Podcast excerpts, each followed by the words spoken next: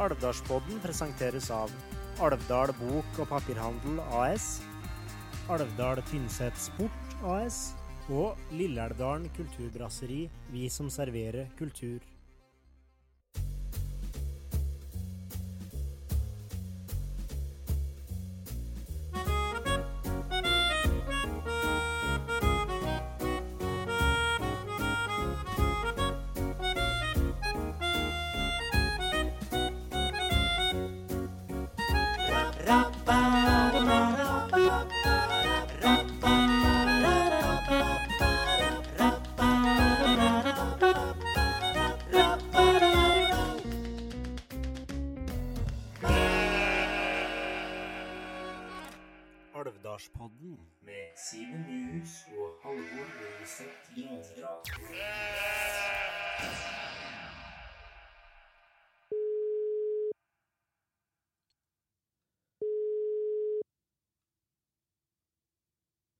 Hallo, Ja, hei du. hei du. Du er på luften, Kroksleiven. Det er på luften, ja. Ja. Ja. Det er sånn Halvor som ringer, så koselig. Ja. Du er fraværende, du, i denne episoden her. Ja, det er det, vet du. Får håpe lytterne ikke savner din mjuke og vene røst for mye. Nei, det får jeg ikke håpe der, da. Det er klart. Jeg kan ikke se det savner sjøl akkurat, for at uh, jeg syns det høres veldig rar ut på radio, men det er vel sånn stemmer mi er, altså. Litt om gjort noe med. Syns du er vakker stemme. Å, jammen gjø, gutt. Hva er du ute etter nå? Du kunne ikke lånt meg noen penger, nei ja. jo, ikke sant? ja, ja. ja. Nei, Ingrid Vollan, kjenner du noe til henne fra før, du vel? Ja, eh, altså eh, jeg- Ikke altså, kjenne og kjenne, men jeg vet jo godt da var jeg som en eh, habil skuespiller og vært med i den serien som alle så på en gang i tida, den NRK Himmelblå, var ikke den het, tror jeg? Jo. Hun var jo med som lærer der, og der prata jo Kav Alvdal, så det var litt artig. Ja. Jeg blir nok spurt litt om det, tenker jeg, i denne episoden. Ja. ja, men det er bra. Nei, ellers så er jo, er jo faktisk mye å se på Alvdal, da. Ja, hun er jo det. Ja, ja. Så det er litt morsomt når du Jeg, jeg tror kanskje ikke alle alvdøle vet hvor eh, Hva skal en si god skuespiller òg er, på en måte. Eller Ja. Nei, hun har vært med på veldig mye, og eh, ikke minst vært ganske delaktig i eh, filmatiseringa av Aukrust-universet, da. Ja, hun var vel noe sånn eh, Hva heter det? Stemmecoach eller vokalcoach, eller hva man kaller det? Ja, eller språkkonsulent, eller Ja, det er kanskje dette, ja. ja. Ja. Nei, for jeg må jo si, de har jo på sånne nye filmene så er det jo ganske bra aldersdialekt. Ja. Det har i hvert fall Det kommet i hvert fall. det, det kommer seg, i hvert fall, ja. Ja, Nei, så tror vel kanskje vi alvdølere at eh, alle helst skal prate, prate alvdøl, men det er jo ikke det som er meninga heller. Men eh, så vidt jeg har skjønt, da, så er det jo liksom en Solan en Ludvig og en Reodor hun har ansvar for, da. ja. Men da må du si at jeg har gjort en god jobb, for jeg lurer på om han eh, Det mener lettest til at han som spiller, eller stemma til Ludvig, eh, han er fra Bergen, han, tror jeg. Ja, stemmer. Så der, eh, det er jo ganske godt gjort å få til østlandsdialekt. Det er nå én ting, da, men å få til inn indre østlandsdialekt òg, det er ganske godt gjort. det. Ja. Så, så der har jeg gjort en god jobb av Ingrid, ja. Jo hun som spiller Solan, hun som hadde der Lillys butikk, hun høres nå ut som en alvdøl. Ja, hun er skikkelig flink, da. Så det er klart Ingrid har sikkert hjulpet mye med det. da. Ja. Ja. Ja. ja, jeg har en litt artig historie fra skolen nå. ja vel. Ja, de har vært eller Det er dumt å si at de har blitt inspirert av oss, da, men åttende trinn på ungdomsskolen skal har en sånn podkast-greie nå, så jeg var innom der eh, her om dagen og fortalte om eh, hvordan vi la opp podkast, og hvor mye forarbeid det var, og litt forskjellige sånne ting. Og, Ja. så de skal nå lage, drive og lage noen podkaster, de på åttende. Så ble jeg brukt litt som konsulent, hva skal jeg si i dag. Det var, nei, ikke i dag, men her en dag. Ja, ja det det var, det var litt artig. Ja, tøft. Du var ikke helt ærlig på det med forarbeid? Hvor lite det er? Jo. Ja. Det, det er jo ingenting, vet du. Så jeg sa jo at det er jo ukevis med forarbeid, selvsagt. ja. Nei, du, sa faktisk at uh, det er det er mer forarbeid, i hvert fall i starten, uten tvil, da, enn det, enn det blir til sending. Mm. For husker når vi var på Tamona første episoden, så det var, var ganske Det er vel den episoden kanskje vi har gjort mest forarbeid på, jeg vet ikke. Men eh, det var mange timer forarbeid for å få en times sending, altså. Ja, vi sitter nå fort, eh, fort en time eller to før hver episode, egentlig, og planlegger litt. og... Ja, han gjør jo det. Så det er jo, det er jo forarbeid, det er en del forarbeid, og det er sånn som kanskje folk ikke tenker så mye på. da. Og det, dette har jeg begynt å tenke på sånn, hvis jeg ser en sportssending, da, for eksempel, hvis det er langrenn, Ja, så kan man liksom tro at nei, men dette kan jo en Torgeir Bjørn og en Jan Post uh, så godt fra før, men selvsagt, de sitter jo med noen notater, og, og sånn er det jo med alle, alle sendinger. Ja jeg tror det hører Men det, det som er kunsten, vet du, er jo å få det til å høres lett ut. Ja. Og der prøvde jeg å si til elevene at eh, for å få det til å høres lett ut og for å få samtalen til å gli skikkelig, så er forarbeid alfa og omega. Hvis ikke så kan det bli sånn oi, tja, og så blir det sånne pinlige, pinlige opphold liksom i, i praten. da. Ja. ja, det har jeg hørt flere har sagt, eh, hvis vi skal skryte litt av oss sjøl, at, eh, at vi har vært flinkere og flinkere til det, på en måte, at det høres mye mer naturlig ut. Men det har jo selvsagt noe med at vi blir bedre kjent og sånne ting, da. Ja, har altså blitt liksom litt tryggere i rolla etter hvert år. da, og Absolutt. ja. Jeg tror livepodkastene vi det tror jeg faktisk har hjulpet litt på det. altså. Ja. For der, der, der kan jo liksom ikke ta seg noen pauser. Nei. Nei, og det ja. har gått veldig bra. Ja, og så, så skrøt jeg litt av der, og elevene sa at det er jo vært en del, eh, en del kløppejobb etterpå. da. Det, så det er liksom ikke bare å legge det på eteren eh, så fort du er ferdig. Og, eller livepodkastene kan for så vidt være, men eh, det må jo kløppes litt. Og ofte litt mer råmateriale sånn det heter, enn det som kommer ut på eteren. da. Ja, og det er sånn tror jeg det er med de fleste podkaster. Jeg tror ikke, jeg tror ikke en Ja, det er kanskje 10% som er direkte, på en måte. Ja, Ja, ja. I hvert fall hvis det har en tematikk og skal være en litt rød tråd, da. ja. Nei, og så spurte de litt der, og så elevene om uh, hva liksom hva, om vi hadde noen rød tråd i eh, sendingene våre, eller om vi bare tok den ene tingen som datt ned i huet etter den andre. Men jeg sa nå at uh, litt av poenget er å, er å framsnakke alvdøler og bli litt bedre kjent med mennesket bak fasaden, eller hva man skal kalle det. Sånn som Mona f.eks. Som Ja. er ordfører, men hvem er egentlig Mona? Det, var, det er vel litt som det som har vært poenget bort med en del til gjestene, syns jeg. da. Mm. Absolutt. Ja. Nei, så Det blir artig å høre om de blir inspirert, og kanskje vi får en konkurrent, gitt, i eh, Ungdomspodden eller et eller annet sånt. Kunne vært artig, det. Ja, det hadde vært kjempeartig. Bygdeungdomslaget kan jo starte en podkast, Ja, for altså, eksempel. hvem, ja, det kan hende. Nei, altså For vår del, da, så dette blir blir vel ikke siste episoden før jul, men uh, nest siste. Så får vi vel kanskje prøve å få til litt av juleavslutning, da. En liten podd. Ja, prøv, prøv å få til det. Men du Halvor, det er vel noen andre nyheter etter hvert, da, er ikke det? da? I forhold til eller Skal vi ikke røpe noe ennå der? Hva du tenkt på da? Nei, jeg tenkte litt mer på plattformer og sånt, da. Jo. Eh, jo, vi kommer vel på Spotify. Eh, begynner vel med det etter nyåret, da. For da Ja. når vi kommer til jul, så kaller vi vel dette det vi har gjort så langt, en sesong, og så starter vi på en ny sesong liksom etter jul. Ja. Og, Det samme kanskje på Steia sitt. ja da, men det er noe greit å si det flere ganger. Ja. Og så Instagrammen vår er nå oppe og går igjen, for den Ja, jeg starta den når vi begynte med dette i vår, men så plutselig fikk jeg ikke noe tilgang noe mer. Men nå så var nå alt i skjønneste orden igjen, så det blir vel litt mer aktivitet der òg. Du hadde ikke det var lagt ut noen lugubre bilder, var det som gjorde at du ble sperret? Jo, det var nok det. Ja, det var det. det, var det. Ja, og Da kan Ja, folk stille spørsmål sånn der, og litt lettere kanskje enn å drive med mail. For noen, da. Ja, det er det nok. Det Det er, det, det er vel mange aldersgrupper som hører på oss, kanskje.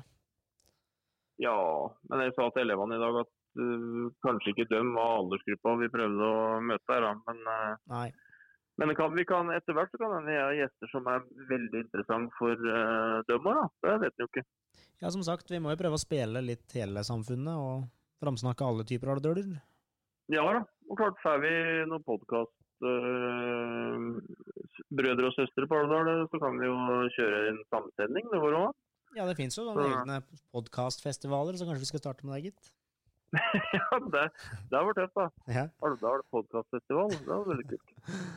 Nei, men da får du, får du kose deg med det du driver med videre, Simen. Eller du er jo opptatt i kveld, så er det derfor du ikke kan være med. Ja, det er bare da, altså. jeg sitter nå her og skriver øh, bare så ikke blekket spruter, jeg skriver på PC, men øh, Tastene spruter. så prøver så, så elevene mine får ordentlige tilbakemeldinger, Ja. så de vet hva de skal jobbe med videre. Mm. Nei da. Nei, men da får du lykke til, da. Takk for det. OK, Ha det. Da prates vi. Ha det. Dagens gjest. Dagens gjest. Ja, da var vi tilbake med en ny gjest. Denne gangen er det ei dame som til vanlig bor i eh, Oslo. Ingrid Vollan. Velkommen til Alvdalspodden. Hei, Står til? bare bra. Ja. Jeg sier da at det er jo nesten livs å komme til Alvdal nå. Så Ja. vi, eh, siden vi bor i Oslo, så vi holder oss jo inne. Vi er ute og går tur, da. Men vi går ikke i butikkene og sånn. Nei. Nei, vi må over Ja, vi tør ikke å menge oss med folk. Er du skuffet over at det ikke er mer vinter enn der er? Altså det er, Jeg visste at det ikke var det. Jeg er veldig glad i vinter, da. Så jeg håper jeg kommer igjen snart og kan gå litt på ski. Ja. Har du noen faste turmål? Nei, men det er mye Transvangen oppi der. Og så er jeg veldig glad i eh, Quisla. Ja. Eh, innover der. Sørendalen er vi glad i. Så Broren min har hytte på Transvangen, så liker jeg godt å gå oppi, Ja. oppi der. Ja, eh, bare for dem som ikke vet hvem du er. da. Du er skuespiller og teaterpedagog, Ja. og har vært det i en del år. Veldig mange år, vil jeg si. Ja. Siden 1978, Ja, egentlig. Da gikk du ut av Norges teaterhøgskole. Ja, Statens teaterskole heter det den gangen. Det har bytta navn flere ganger etter det. Men eh, der gikk jeg fra 75 til 78. Ja. Og så tok jeg artium, da, som det het den gangen, eh, våren 75. På TG, som det het den gangen. Mhm. Du er vel ratt uh, Alvdals eneste profesjonelle skuespiller, du, da? Ja, det ville jeg da håpe at jeg hadde visst om hvis det var flere. Ja, Nålevende, da. Nå- Vi hadde jo en Arvid Nilsen, Det han, det er jo over 50 år siden han levde. Ja, jeg hadde ikke den store gleda av å oppleve det. Nei. Eh, Podkast, har du vært med på det før, da? Nei, det har jeg ikke, men jeg hører jo mye på podkast, da. Ja. Så um, nei, det har jeg ikke. Det er første gangen. Det er artig å gjøre ting første gang. Har du noen podkaster å anbefale, da? Jeg hører mye på svenske podkaster akkurat nå. Ja. Så nei, egentlig ikke noe sånn i farten. Nei. Men du har jo gjort en del lydbøk, da. Ja, det har jeg. Veldig mange. Jeg kom fram, jeg drev og telte her, og kom fram til 23, men det er sikkert mange flere. Ja, det er i hvert fall det dobbelte. Det er nok mer enn det òg. Ja. Åssen er det når du liker å gjøre? Er det når du gjør veldig mye? Jeg liker veldig godt å gjøre det, for da sitter du for deg sjøl inne i et studio. og så kan du, Det er liksom ingen som kan bry seg, annet enn teknikeren som sitter i det andre rommet. da, og Det er kjempefint å få hjelp derifra. Mm. Det er liksom et produkt som du har ansvar for sjøl. Du har forberedt deg hjemme, og du har ansvar for deg sjøl, og så blir det sånn. Ja. Så du slipper å liksom ja, jeg, jeg underviser jo en del, så i dag er jeg ansatt i 60% stilling på Oslo OsloMet. Og da forholder du deg jo til masse studenter, og den vekslinga der mellom å gjøre jobber som er for seg sjøl, på en måte, og det å være sammen i ja, relasjon til mange, det syns jeg er veldig fin. Fine Ja. Åssen forbereder du deg der da, når du forbereder deg til lydbok? Da leser jeg boka grundig, da, og så er det veldig avhengig av Hvis det er engelsk bok, f.eks., så er det litt lettere, for da kjenner vi jo litt bedre uttalen. Så går jeg gjennom ord som jeg ikke med en gang forstår, og så noterer jeg opp hvordan det uttales. Og hvis det er norske bøker, så forbereder jeg meg på å skrive inn eh, streker, veldig mye streker på pauser og sånne ting. Ja. Og så er det noen som trenger mindre forberedelse enn andre. Så det er veldig forskjellig, da. Så er det En gang så leste jeg Jan Kjærstad noe 'Slektersgang', tror jeg hun heter. Og da tror jeg jeg brukte dobbelt så lang tid som jeg vanligvis bruker. Da, da var det 10 000 stedsnavn og fremmedord. Og, altså, og det var side opp og side ned. Og Det var sikkert en fin bok, men vi hadde vårt fulle hyre. Ja. Og teknikeren med den boka. Det er sånn som jeg aldri glemmer. Bruker du noe aksent, spesielt til dialekter, da, eller er det riksmål? Ja, hvis for eksempel, nå så har jeg lest noe i høst, og leste Tove Nilsens siste bok. Ja. Og det er mange forfattere med hun som da, hun skriver fra Trøndelag da, om sin døde bror. Så den eh, boka handler om det livet hun tror at bror Nei, at onkelen hennes, men altså da bror og mor hennes, da. At onkelen hennes ville ha levd hvis han ikke hadde dødd i krigsåra, 18 år gammel. Og da plutselig så kommer det jo replikker på trønder, så da gjør jeg jo det. Ja. For den dialekten kan jeg jo, kjenner jeg jo veldig godt, da. Mens mange forfattere skriver liksom, plutselig så er det litt sånn halvveis dialekt, og det, det er vanskelig å forholde seg til. Mm. For det er som regel bedre å jobbe med noe som er enten-eller, da. At enten så er det østlandsk eller riksmål eller bokmål, nynorsk, sånn og sånn, eller dialekt. Det er lettere enn hvis det er flyt en stand midt imellom, og det hender det ofte at det gjør. Syns du f.eks. Aukrust er krevende sånn, da? For der er det jo på en måte en hybrid mellom Lom, Alvdal og Oslo, kanskje? full ja, Han er jo gått bort, og det er jo kona hans òg. Det er klart at det er en fullstendig hybrid. Så der har jo jeg tatt meg en store frihet. De, alle de Aukrust-opptredenene som jeg har hatt gjennom veldig mange år, så har jo jeg eh, gjort om til Alvdal, rett og slett. Og Ja. særlig da Simen, bonden og broren min. Når det er handling fra Alvdal, så har jeg tenkt at nei, fader heller, jeg gjør det på Alvdal. Og det har jeg hatt, kan jeg påstå at jeg har lyktes med, syns jeg sjøl, da. Ja. Vi kommer litt tilbake til Aukrust og Ja. åssen du har vært innblanda der. Men åssen var det din egen teaterinteresse starta, da? Den starta på Tynset gymnas, den i første klasse der. Men før der så hadde jeg sett Riksteatret på Samfunnshuset og syntes det var veldig spennende. Og tror jeg satt i salen og tenkte at dette der skal jeg drive med en gang. Det er jeg ganske sikker på at jeg gjorde. Og så var jeg da så heldig at en eh, gærning som heter Rolf Norsen, som var i, på Tynset eller Vingelen akkurat det året, og kom tilbake til SEA som lærer da. Men han satte da opp den sagnomsuste for oss forestillinga om disse steinene tala, som var bygd på Ola Jonsmoens bok, da, med alle disse stemmene fra kjerkegarden som forteller om livet sitt, som de mista når de var fire år eller 84 år. Så det ble satt opp med stor suksess, og vi fikk spille ei forestilling, eller var det kanskje to, på Klubb 7 i Oslo.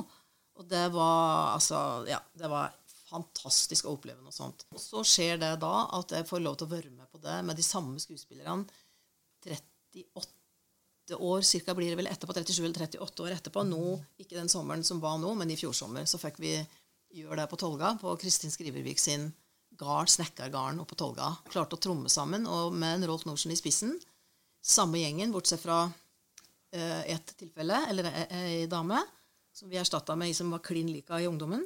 Og spilte da den samme forestillinga, som handler jo da om, i stor grad om døden. Det er masse humor der, men den handler jo om døden. Eller om å ja, alle stemmene fra kjerkegarden. Så står vi der og gjør det samme, og vi er i en alder av 60 pluss alle sammen. Så det var en fantastisk opplevelse. Helt magisk.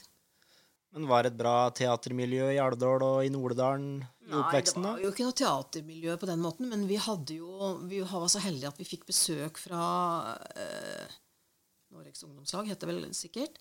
Eh, der hadde vi besøk av ei dame som kom og holdt et par kurs, og det var helt fantastisk å være med på. Så noe mer et teatermiljø enn det var det vel ikke for meg før jeg begynte på gymnaset. Men da tok det av for fullt. Men vi hadde nøren besøk som liksom, ja, var veldig spennende å være med på, da. Men du er jo en mann som er skuespiller òg. Ja.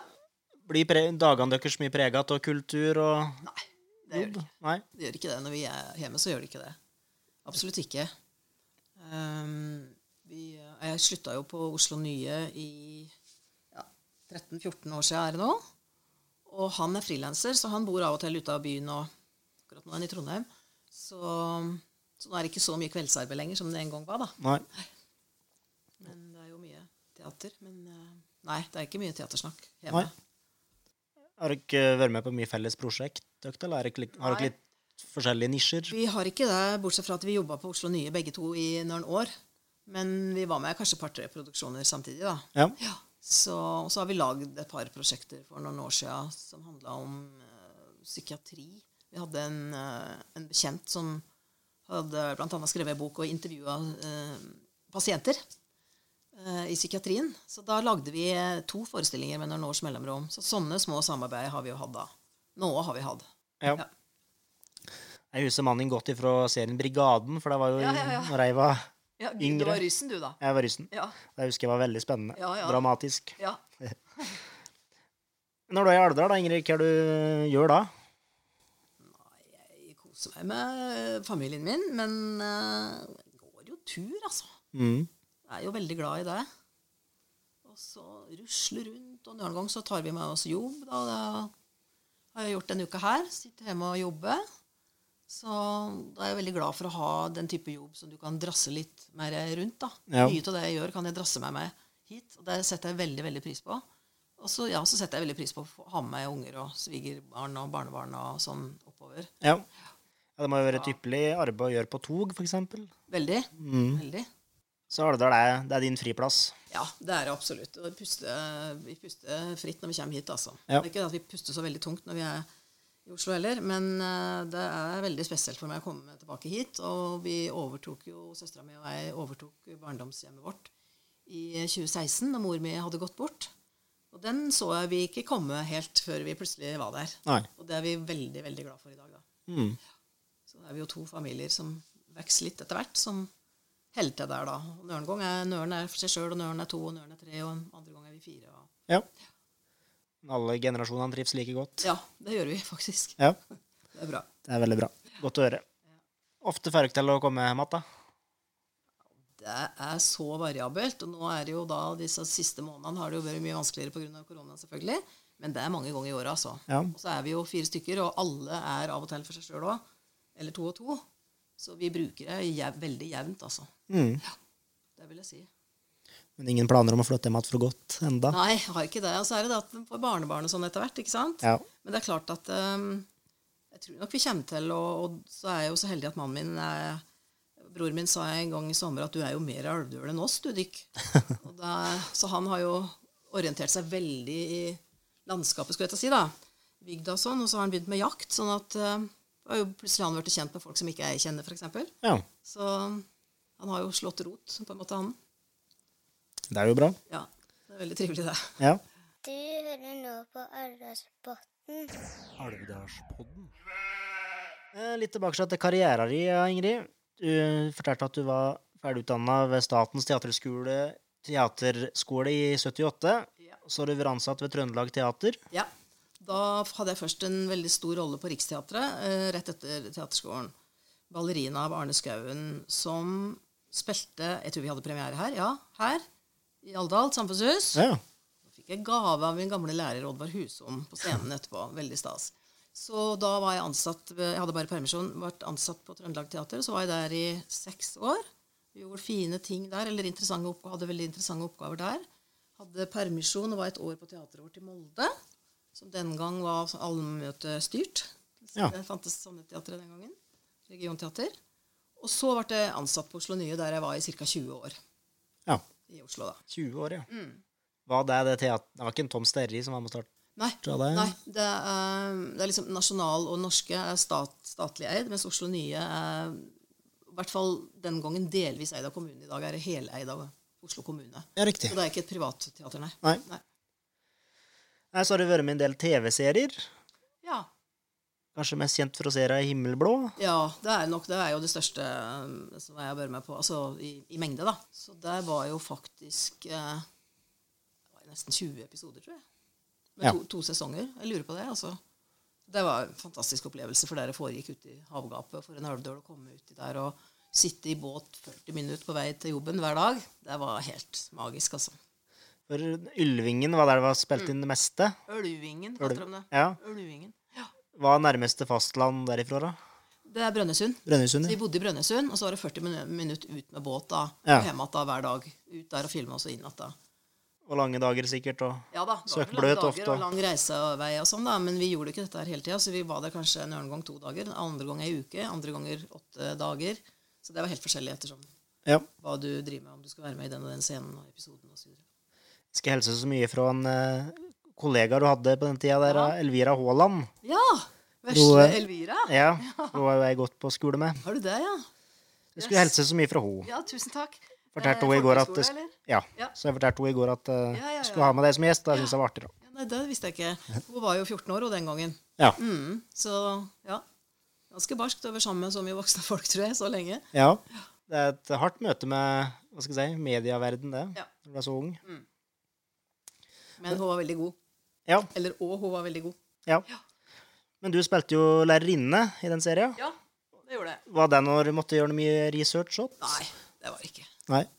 Det, nei, ikke den type rolle, liksom. Det, og du føler på en måte at det, alle, alle kjenner læreren i hermetegn, eller alle har en lærer i seg, jeg vet ikke. Men det som veldig tidlig ble bestemt, var at jeg skulle snakke alvdøl, eller jeg ba om det. Ja. Eh, og det var jo i den tida ja, Eller det begynte jo litt før der, men det var så mange som begynte å snakke sine dialekter på scenen. Og det hadde jeg aldri fått gjort, tror jeg, da. altså Bortsett fra ting jeg har gjort her, selvfølgelig. da. Men, eh, så det syns jeg var artig. Det var jo så mye eh, nord, nordnorske skuespillere, da. Mm. Men det syns jeg var kjempeartig å liksom kunne sitte og skrive om replikkene og snakke på sitt eget, sin egen gamle dialekt. Det var veldig, fin, veldig fint å få gjøre det. ja. Så det har jeg gjort, ja. Jeg, jeg prøver å dytte det inn. Men nå, ja. Mm. Men merka du hva skal jeg si, noe mediepress, du, da? For det var jo ei veldig stor serie. Nei, ikke noe sånn Det var jo mest lokalt kanskje herifra, da. Uh, så Men jeg, jeg merka det jo på den måten at jeg ble eh, attkjent på trikk og buss og bane og sånn. Det var veldig tydelig, og det varte veldig lenge, da. Og det kan jeg nesten oppleve i, faktisk i dag. Senest for noen måneder siden så var det butikkdame som sier Er det du som spilte lærerinna i Og det er sånn. Og så viser de det til ungene sine. da, at det er masse folk på min alder og kanskje litt yngre som syns likte dette veldig godt. Ja. Så vokser ungene deres opp, for det har jo gått noen år. Og så ser, har de sett det òg, ikke sant? Så. Altså, ja. flere generasjoner, da. Mm. Jeg drev og skulle finne det igjen sjøl, men det fins jo ikke på NRK for eksempel, lenger. Gjør ikke det det? Nei, så man kjøper det på DVD hvis en skal det. Ja. Men første episoden ble jo sett av 922 000 nordmenn. Jøss. Og den siste ble sett til 1,3. Å, fy fader, er det sant? Så det var jo en skikkelig Men eh, Det gikk jo bratt oppover, da. Ja. Men det var jo kjempe... Jeg ante ikke at det var så gode seertall, altså. Og fra den første til den andre, så Ja, 922 i den første, og så 1 099 000 den andre episoden. Herlig. Han vant jo eh, beste TV-drama, vant Gullruten i 2009. Ja. Og vant to totalt tre gullruter og ble nominert ti ganger, så det var jo stor greie. ja det var det. Var greie på litt av hvert, du. Ja, dere har gjort litt research. Ja, jeg. Jeg hører det. Og ellers har du vært med i totalt tolv TV-serier. Jaha. Det kan hende, det. Du har ikke telling sjøl, Nei, nei? jeg er jo gæren, du. har. Jeg har ikke peiling. Og fem spillefilmer, ettersom jeg Jaha. Ja. Jeg er med i en serie nå som kommer nå, så det er ikke sikkert du har sett den, da. Men den uh, heter Utmark. Det har vært sånn veldig spørsmål om det skulle hete Villmark eller Utmark. Ja. Men den har vel endt med Utmark, ja. Så den kommer nå Skal vi se På våren. Det har tatt lang tid. Så ja, i hvert fall. Kommer etter hvert. Kan du si noe hva den handler om, da? Det tror jeg ikke jeg kan, egentlig. Nei. Men det, det jeg kan si, er at det er jeg vet ikke om det kanskje kan kalles for grøsser, men det er nifse tider. Ja. Ja. Det er en norsk serie? Ja. Ja. Norsk, men i koproduksjon med islandsk eh, regissør. Ja. Så det er nok en koproduksjon. Men um, det foregår liksom et eller annet ubestemmelig plass i Norge. Litt nordafor Alvdal, i hvert fall. ja. Mm. Og ikke kan du si noe om åssen type karakter du spiller? Eller? Jo, jeg tror Nei, jeg, jeg kan faktisk ikke det. det er ikke at jeg har noen kjempestor rolle der i det hele tatt. Men det er mye, veldig mye forskjellige karakterer der. Da. Så den vesle rollen jeg har, den skiller seg helt ut fra mange av egenskapene til de andre karakterene der. Ja. Det kan jeg si. Men vi har fått en lytterspørsmål. Ja. Eh, første, deg, ja, ja. Ja. første fra ei som heter Marit. Har du noen tips til unge som har lyst til å begynne med teater? Og hvordan lar du janteloven slippe tak? Oh, det var rørende spørsmål. Eh, det tenker jeg kanskje at eh, jeg sjøl kunne ha tenkt på den gangen. Det gjorde jeg ikke, da. Men eh, det må du bare Janteloven, det er sånn at du der må, du bare ta, der må du ta en beslutning. Ferdig med det. Mm. det er ikke, hvis du skal inn i noe som er så tøft, og som har i dag mye tøffere enn det var da jeg var ung Hvis du skal inn i noe som er så tøft, så må du, den beslutningen må du bare ta. Er du barsk nok til å søke på det? Det må du bare spørre deg sjøl om. Om du er eller ikke. Så, så da Janteloven eksisterer ikke heller. Det er ikke Nei. nei, irrelevant. Men jeg kan ikke si at jeg har noe tips. For at det, eller det tipset jeg kan si da, eller det tipset jeg kan gi til folk som er helt unge, det er å være med på absolutt alt som det går an å være med på. Og det er kanskje ikke så store muligheter hvis du bor i Alvdal.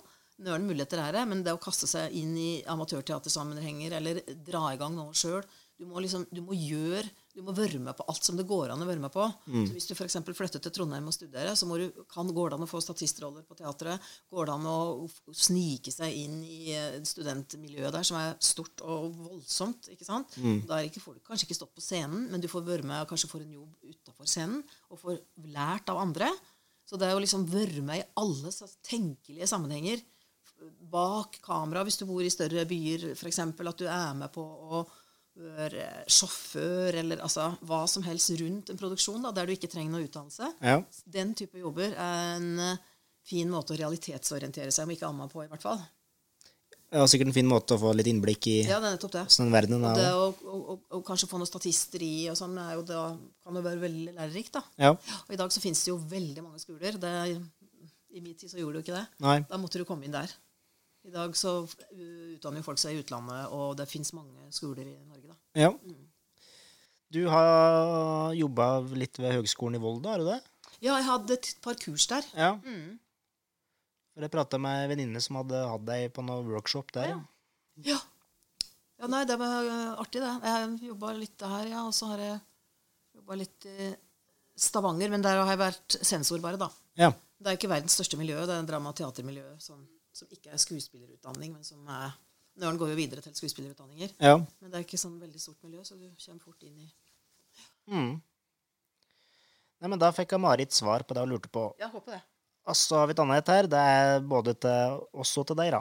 Hei, Simen og Halvor. Jeg er en utflytta alvdøl som for tida bor i Oslo, og synes podkasten deres er en ypperlig måte å stogge hjemlengselen på. Spørsmål til dagens gjest, Ingrid. Eh, Hva føler du er karrierehøydepunktet ditt, og hva liker du best av å være skuespiller eller teaterpedagog? Nei, Vi kan ikke si at jeg har noe sånn eh, karrierehøydepunkt. Jeg har gjort så mye forskjellige ting. Og jeg har vært fast ansatt, og jeg har vært frilanser, og jeg har jobba med TV, og jeg har jobba med masse teaterroller her og der og rundt omkring i ymse sammenhenger. Sånn at eh, jeg, har ikke noe, jeg, har, jeg har ikke noe som jeg kan tenke på som høydepunkt i karrieren. Nei. Hva du sa etterpå? Eh, jo, hva liker du best være skuespiller og teaterpedagog? Ja, det er så forskjellig. Ja. Og jeg tok en beslutning da og sa jo opp en fast stilling på Oslo Nye. Som det er ikke så vanlig å gjøre det. For det er ikke så mange som det fins ikke så mange faste ansettelser. Nei. Men da hadde jeg i flere år tenkt at jeg ville ut og, og liksom lufte, lufte meg litt. Og kanskje gjøre litt frilansoppdrag som skuespiller, og så heller gå en litt annen vei. da, Og ta med meg den kunnskapen jeg følte at jeg hadde på det tidspunktet, inn i et annet yrke. Og det, i det yrket som teaterpedagog så får jeg jo brukt så utrolig mye av det jeg kan. Gjennom veldig veldig lang erfaring. da. Så jeg syns kanskje svaret er mest at jeg liker veldig godt den vekslinga. Ja. Og det er en, ja, jeg har en fast 60 %-stilling, som sagt. Så, og så frilanser jeg ved siden av. Og det er en kjempefin veksling. Og da hadde jeg på det tidspunktet òg en sønn. Jeg var liksom eh, ja, fikk en sønn mange år etter at jeg hadde, fikk to døtre. tenkte jeg at kanskje jeg skulle prøve litt mer hjemme om kvelden enn Ja. enn det var i den første kullet. ja. Det betydde òg litt. Det er vel mange kanskje som begynner som skuespiller, og så tar en regissørutdanning eller Ja. Nøren gjør jo det, men de fleste som i hvert fall tidligere var skuespillere og etter hvert ble regissører, de tok ikke noe utdanning. De bare skled inn i regifaget Ja. gjennom skuespillererfaringen sin. Ja. Det er jo to forskjellige jobber, men det er jo, altså, det er jo en kjempefordel å kunne så mye om skuespillerfaget. da. ja. Og den gangen øh, Ja, det er ikke så veldig mange år siden det har vært en regiutdanning på Statens teaterhøgskole, som det heter i dag. da. Ja, Det, det virker som det har blitt mye mer eh, både på folkehøyskole og Ja. høgskolenivå. At, eh, Mye mer. Og, ja, og det er mange flere tilbud og muligheter, men det er òg veldig mange flere om benet. Ja. Så det er beinhardt, altså. Jeg huser jo bare fra Romerike liksom, på etterjordsvinteren da vi skulle søke oss inn på andre skoler. De fleste ville jo inn på KIO eller på. Ja, ja. Teaterhøgskolen. Ja. Og der er jo nåløyet så lite at uh... Ja, det er det. Veldig lite. Men det fins jo veldig mye andre bra utdanninger. Ja da, det gjør det. Uh, jo, så står det PS likte filmen 'Spionen' veldig godt. Ja. Hva handla den om? Den handla om eh, Sonja Wigert, som var en dobbeltagent under krigen. Hun var meget renommert og og, berømt skuespillerinne, særlig filmskuespiller, i, eh, i Sverige. Eh, og så var dobbeltagent. Og det ble aldri I Norge så trodde de at hun spionerte for tyskerne bare, men Ja. sånn var det ikke da. Hun rapporterte òg til den andre, altså den riktige sida, da, kan du si. Eh, Men hun, aldri, hun fikk aldri oppreisning i Norge, på en måte. Så hun, ja, hun ble aldri kjent og guttert for den innsatsen hun hadde gjort under krigen, da. Særlig i, Nei. i Norge, da. Hun ble ikke, så den var en litt spesiell skjebne. Ja. Fantastisk skuespiller, visstnok. Og jeg syns jo at hovedrollen der gjorde en strålende jobb da, i den filmen. Åssen rolle hadde du der, da? Nei, da spilte jeg mor hennes. Ja. Så er det sånn Når du er med på film, så er det sånn at uh, du kan jobbe i flere dager og ha spennende scener, og sånn, og så plutselig er det borte. For der de filmer jo bestandig mye mer enn, dem, enn det som blir igjen av filmen. da. Ja. For da er det så, «Oi, plutselig det er den historien viktigere enn den. og Så, så du har absolutt ingen styring. Du må bare være glad til å nyte det mens du holder på, og så får du være glad til hvis du vises i det hele tatt. ja. Jeg husker, når jeg bodde i Oslo, så var jeg med Jeg skulle være statist for Lillehammer, den serien som var for noen år siden. Ja. Og da skulle jeg springe uh, i Frognerparken, liksom bare jogge att og fram, Ja. bare sånn i bakgrunnen. Ja. Dette tok jo hele dagen, så tenkte jeg at jøss, nå får jeg noe, Å, i hvert fall ti sekunder. Det blir artig. Det var så vidt jeg kunne se. Ja, ja. Hadde det ja, hadde det ikke vært for at jeg visste at det var meg, så hadde jeg ikke Nei, nei. sett det. Nei. Nei da, og det er kanskje litt dumt å ikke orientere statister bedre enn de gjør ofte, da. For det kan fort tro at du er veldig i kameraøyet, da. Ja. Sjøl om du står i en folkemengde, liksom. Så du har absolutt ingen styring, og det har du, har du ikke som skuespiller heller, med mindre du spiller Sonja, Sonja Wigert i Sonja. Men skriver du ikke noen kontrakter på at uh, Eller åssen ser det typisk teater- eller filmkontrakt ut? De ser ganske forskjellige ut, men det er veldig mye Veldig mye sånn hysj-hysj, og du skal ikke snakke om det, og du skal ikke sånn. og. Så, sånn er det. De vil jo ofte ikke at ting skal komme ut eller før det kommer ut ordentlig. da. Men en fast tariff? Nei, nei, nei. nei det er, dette er forhandlinger. Og, Ja. og hvis du spiller mindre roller, så prøver de seg med kanskje Og jeg har fått tilbud om roller eh, som ligger under minstetakst. Ja. Prøvefilmer for roller som ligger under minstetakst. Og da sier jeg jo selvfølgelig nei, for det jeg har ikke vært med på det. Nei. Så det er veldig sånn press, og det er jo inndelt sånn, og særlig i dag i de senere åra, at de som har veldig store roller, de blir veldig, veldig godt betalt. Og så kommer resten. Ja. Så sparer de pengene på de som ikke har de største rollene. Da, i, Ja. Dette her gjelder særlig spillefilm. da. TV er mer regulert som regel. Er hun hard forhandler, da? Nei, det er jeg ikke. Men eh, jeg gjør ikke ting under Nei da, jeg er ikke det. Men det hender jo at en må barske seg opp. Mm. Det har jo hendt. Men så I fjor så var jeg med på et pilotprosjekt eh, på Norges arktiske universitet. Sånn tverrfaglig eh, greie der dere skal eh, undervise, lære dem litt, for, litt formidling. Mm, stemmer det. Du vet nesten Du huser bedre enn meg, du. Ja. Eh, ja, det stemmer det. Hva du lurer på? Nei, hva, hva var formålet med det? Nei, Formålet var det at hun som en av professorene der er professor på Oslo OsloMet, som jeg kjenner hun godt. Og Det er jo rett og slett at studenter på ulike altså, fag som eh, Bare som eksempel fra tannlege til journalister til eh, biologer til eh, hva det nå skulle være treng, I dag så trenger jo folk i så mye større grad enn tidligere kunnskap om formidling. Og ofte så sitter folk og studerer i tre år pluss en master, og så har de ikke lært noe om hvordan de skal komme frem med et budskap. Nei. Eller oppføre seg i et jobbintervju, eller holde et foredrag. I dag så er jo nesten alle, i alle jobber nesten, eller i hvert fall ja, ekstremt mange jobber, så skal du jo forholde deg til andre. For å selge inn et produkt, eller for å forklare som håndverker, for å få en god relasjon til kunden. Eller, altså det, det er liksom en sånn allmennkunnskap som er veldig undervurdert. da. Ja. Så det holdt, det holdt et kurs der for studenter. Eller, altså jeg var med på et stort opplegg og hadde formidlingskurs. For da var det fagfolk fra forskjellige Ja, Det var studenter fra helt forskjellige områder. Helt forskjellige fagbakgrunner. da. Ja, men dere som skulle Ja, altså lære dem, da? det, var, det var helt forskjellige ting. Andre pedagoger eller folk hadde an, andre typer kurser om åssen du skal legge opp ting, eller åssen du kan få elever til å jobbe på den og den måten. Eller, det var helt forskjellig, liksom. Ja. Så det som jeg hadde, gikk på formidling, og da fremførte studentene en, eh, en pitch, liksom, eller der de snakka om noe fra sitt studium, eller jeg husker ikke akkurat åssen det foregikk, men da hørte jeg på dem, og så ga tilbakemeldinger. Og da er de andre til stede, slik at studentene skal lære av hverandre. Så jobba vi litt eh, fysisk, eller praktisk med det òg, da. Ja. For det må jo være vanskelig å liksom Skal dere belære en tannlege om åssen Ja, var, Disse her var jo studenter, da. Ja. Men jeg kunne veldig godt tenke meg å jobbe med medisiner. jeg, Og ikke leger på min alder. Det ville jeg jo selvfølgelig ikke tatt i meg i ildtang. Nei. Absolutt ikke. Men unge folk har jo forståelse av at dette der er viktig. Mm. Så det blir jo noe helt annet.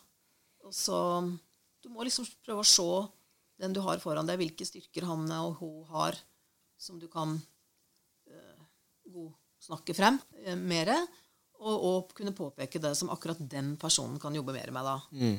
Det er jo noe som jeg har, ja, har en del kunnskap om da, etter mange år.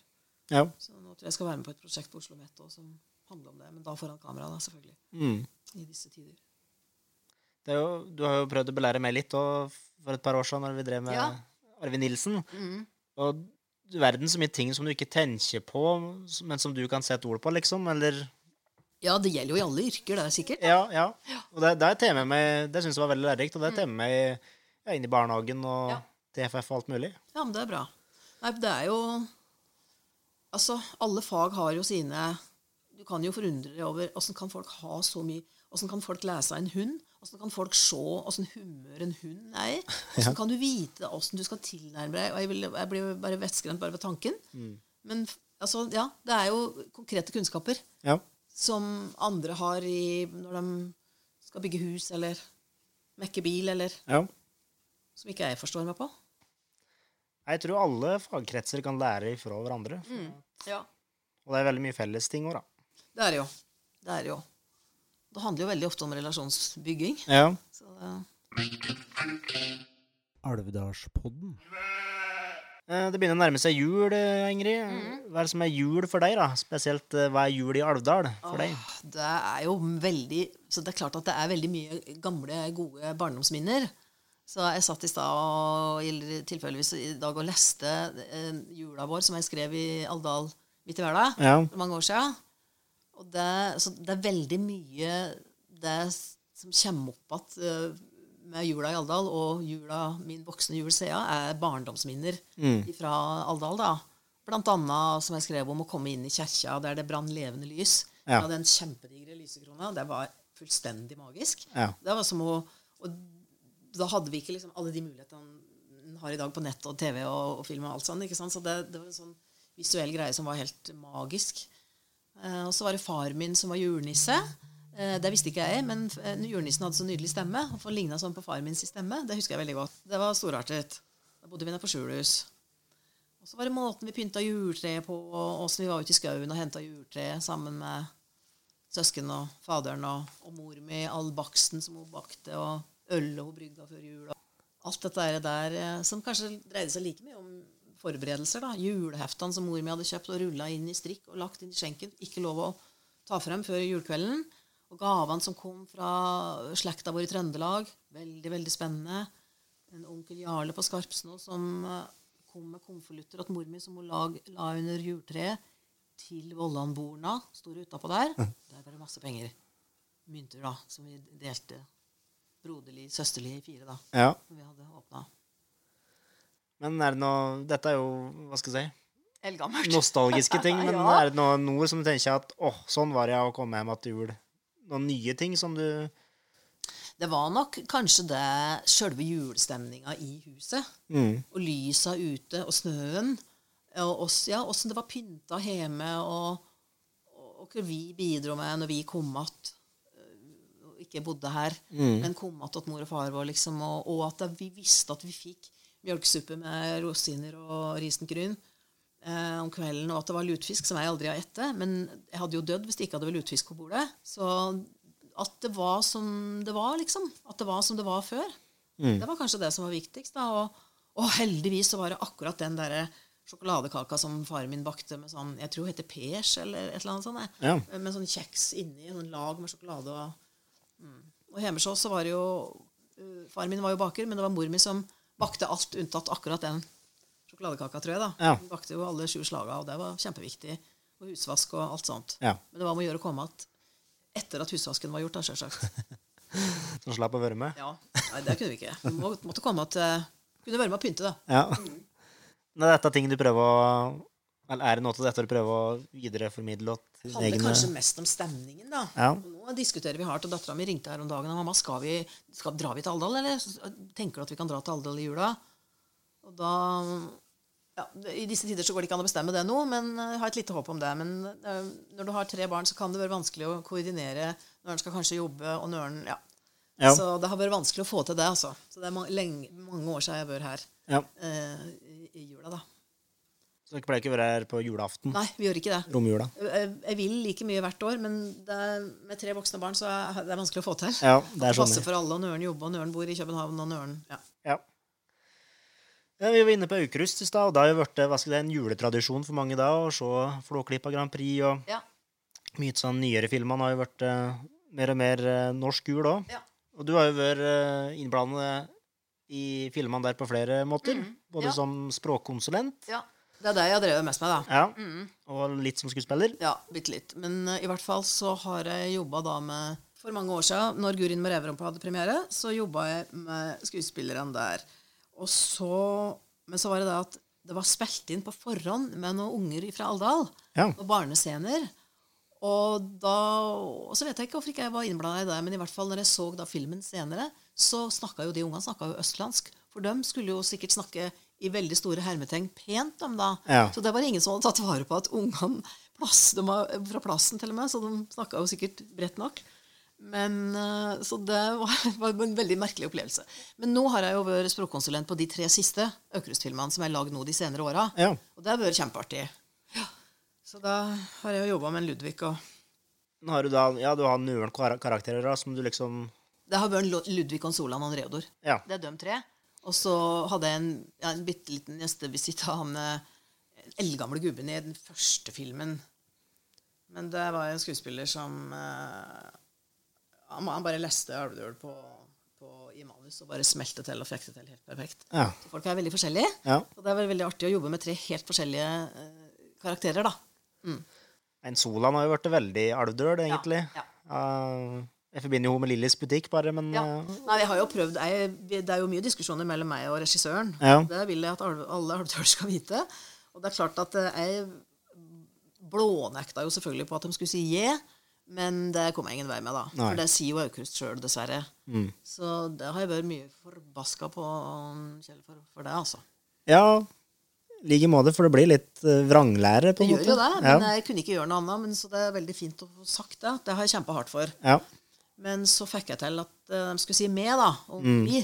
Det var jeg veldig fornøyd med. For det har jeg aldri sagt sjøl, men det syns jeg kler stoffet, og det syns jeg er rett. liksom, At de Ja. sier med, da. Så det var en seier, da. Men vi har hatt mange kamper, jeg og instruktøren, altså. Nei, må de si Høres da Må man si døkk, da? Det er, er da veldig rart. Sånn så, så, så, å diskutere, da.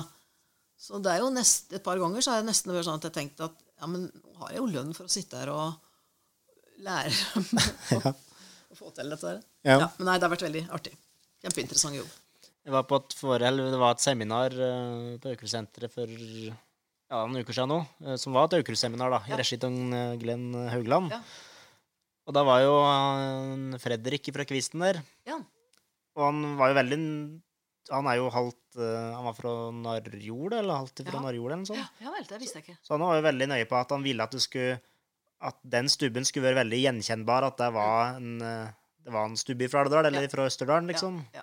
Det er veldig flott når folk er opptatt av eh, opprinnelse sånn på den måten. altså. Ja, og spesielt når For de leier jo med seg folk fra Tsjekkia, Ungarn, Mm, ja, ja, ja. som er med og jobber på disse filmene. Sjølsagt. Så det kunne jo ha Nei, som du må sitte hard. Du må passe på. Det er det som gjør produktene så bra. Ja.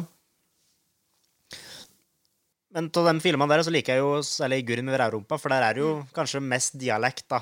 Ja. Og særlig i de scenene der eh, det er noen gamlinger som sitter nede på bensinstasjonen der Ja. og, og prater veldig med underbitt, og, og Mm. Ja. da kommer det fram sånn dialektord innimellom hvis du hører godt etter. Så Det det. Der syns du du har gjort den fram ifra jobb. ja, det er bra. Eh, kjente du en Kjell? Nei, jeg kjente den jo ikke, men jeg har jo truffet den noen ganger. Ja. Og så har jeg jo snakka litt med henne i telefonen og sånn. Men eh, jeg rakk vel ikke Jeg rakk akkurat ikke å bli Ja. Nei. Jeg traff den noen ganger, og da skjønte jeg at eh, At han begynte å bli eldre, da. ja. Mm. Så, men det var jo veldig artig de gangene jeg fikk helse på han. Og, liksom, og særlig noen telefonsamtaler, et par telefonsamtaler som jeg hadde med han som Ja. Jeg husker veldig godt.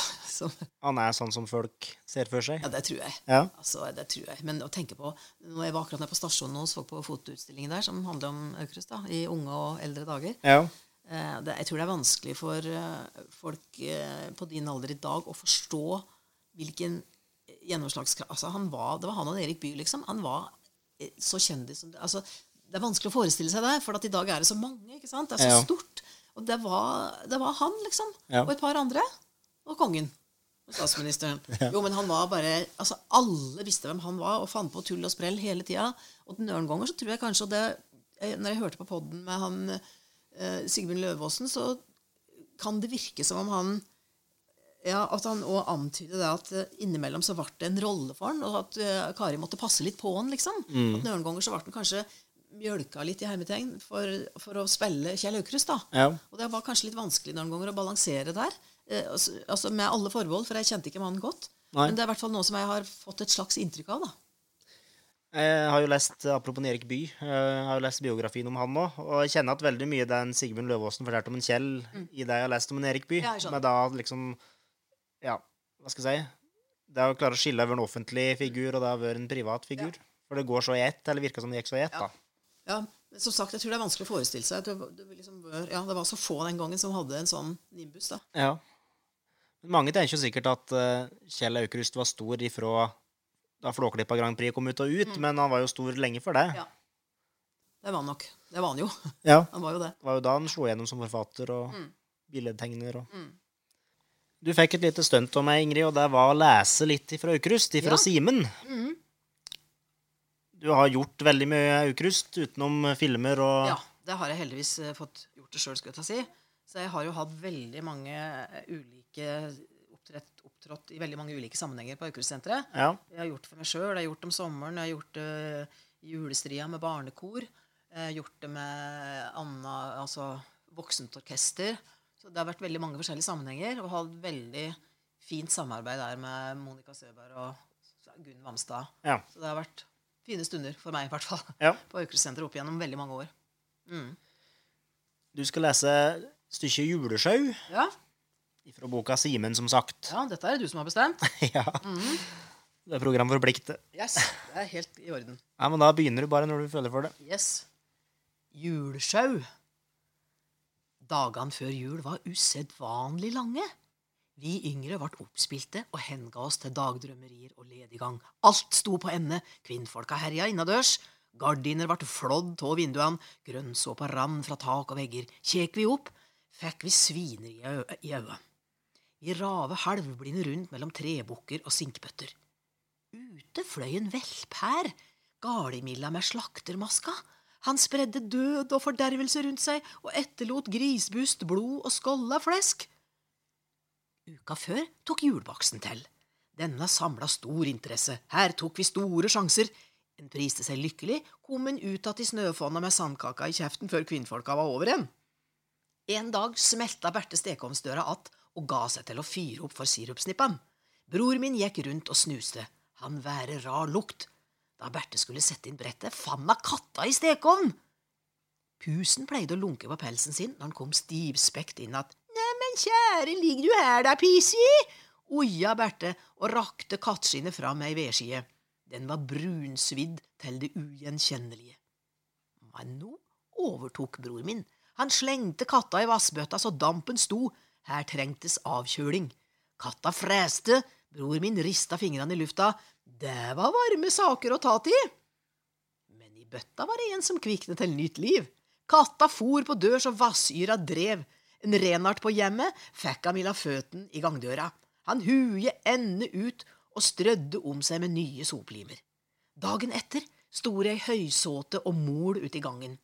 Ei spør nå røkte etter ei, sa Berthe og undret seg. Da høyballen ble renska for is og boss, kom hun Pissi for dagen. Pusen hadde nok overnattet på stalltrevet. Turen til Alvdal Sparebank med årets inntekter på sparebøssa var bestemmende for juleinnkjøpet. Banksjefen hadde nøkkelen. Her ble stansforskjellen markert. Bror min softe åt seg skillemynten og gikk rett på butikken. Han var rene krøshusen, hadde så visst ikke prøvd seg på låsen med strikkepinner og andre dirkemidler. Bukselomma mi vart full av vridde spiker og anna rask. Ei tydde til løvsaga, forseggjorte hespepinner vart sagd ut i sirlige snirkler og olje. Jeg gledde mange med slike juleftan. Juleutstillinga på Manufakturen vart flittig besøkt. Her lukta det jul, røkelse og myrra, og bløt ull. Smelta snø lå i dammer på gulvet. Tollkniver og engler hang i snor under taket. På bordet lå ludospella i fargerike esker. Vi vart skysse på dør når de voksne handla, ellers visste hele bygda hvem som fikk hva. Spenningen var ulidelig når vi slepte inn att. Da holdt vi vareopptelling og kom på sporet. Julaften trekte vi i knøbukser med pynteskilpaddeknapper på. Strømpene vart helle oppe av stropper som var festa til liv. Plagget var innviklet med kneppinga bak. En skulle være netthendt og mjuk i armene for å greie slikt. Var en ute i siste liten, kunne det bære rent gæli i vei, men bror min og jeg kom til en ordning og gikk sammen på do. Klokka fire ringte Theodor jula inn fra kjerketårnet. Da ble det stemningsfullt oppi steigjela med dombjøller og digre skinnmudder. Kjerkja var full den kvelden. Vasskjemma hår og høgtid bortover alle benker, med ekstra trengsel attmed døra. Nøren prøvde annenstemmen på deilige jorden. Det ble vellyd ut av det. Klokkeren tok høgtidssmilet på, og presten nikket med juletrelys i brillglasa. Da messa var over, kom ørlappene. Skinnmuddene skubba seg ut att i kalde og sno. På kjerketroppa bytta vi julekort, mens en Theodor i tårnet huska seg i klokkstrengen. Det var vakkert, Ingrid. Den har du lest noen gang? Eh, Ja, den har jeg lest på Aukrustsenteret, og litt sånn, ja. Jeg har gjort veldig mye av disse jule, juletingene hans. Ja. Mm. Eh, Kjenner du at mye av Aukrust sin barndom i din egen Eh, Vekst. jeg kjenner jo for eksempel da, så du, Jeg føler meg jo veldig gammel da, når du spør på den måten. Og når jeg må innrømme at juleutstillinga på Mannefakturen ble flittig besøkt. Det var altså så stort å kunne gå nedpå Hanslaget og kjøpe julegaver. Diskene der. Det var helt magisk. Åssen det var pynta der. Og kjøpte vi små lys eller små julepynt eller hva det nå var. liksom. Det var helt fantastisk å gå ned på der og gjøre, gjør juleinnkjøp. Så det er akkurat det samme. Så var det kanskje litt flere lukter på steia før og enn det er Ja, det lukta godt. Det lukta hest og møkk, og det Ja. gjorde det jo. Det lukta kanskje mer gran, jeg vet ikke. Det var jo litt mer, hva skal jeg si, filialer på steia da, Ja. med slakter og Slakteren, skomaker og Og det lukta godt inne på sjøen. Ja. Ja, det gjorde det. Nei, men da tror jeg jeg skal takke deg av, Ingrid. Tusen Ja. takk for at du ville komme som gjest. Veldig koselig å bli bedt hit. Ja. Du tar en smultring til hvis du vil. Det skal jeg gjøre, og da må vi si god jul, da. God jul. God jul. Fra Eidsvoll med frigjøringsverket, til Hamar med domkirkeruinene, frem til, til, til Elverum med klesfengselet, til Rena med kartongfabrikken, til Koppang med togbytte og 20 minutters opphold i restaurant, til fingerens danse på den ørvesle fluelorten som heter Alvdal, som ikke har noen ting de vet om, kanskje. Men én ting vet de vi har. Alvdalsbotn med Simen og Halvor.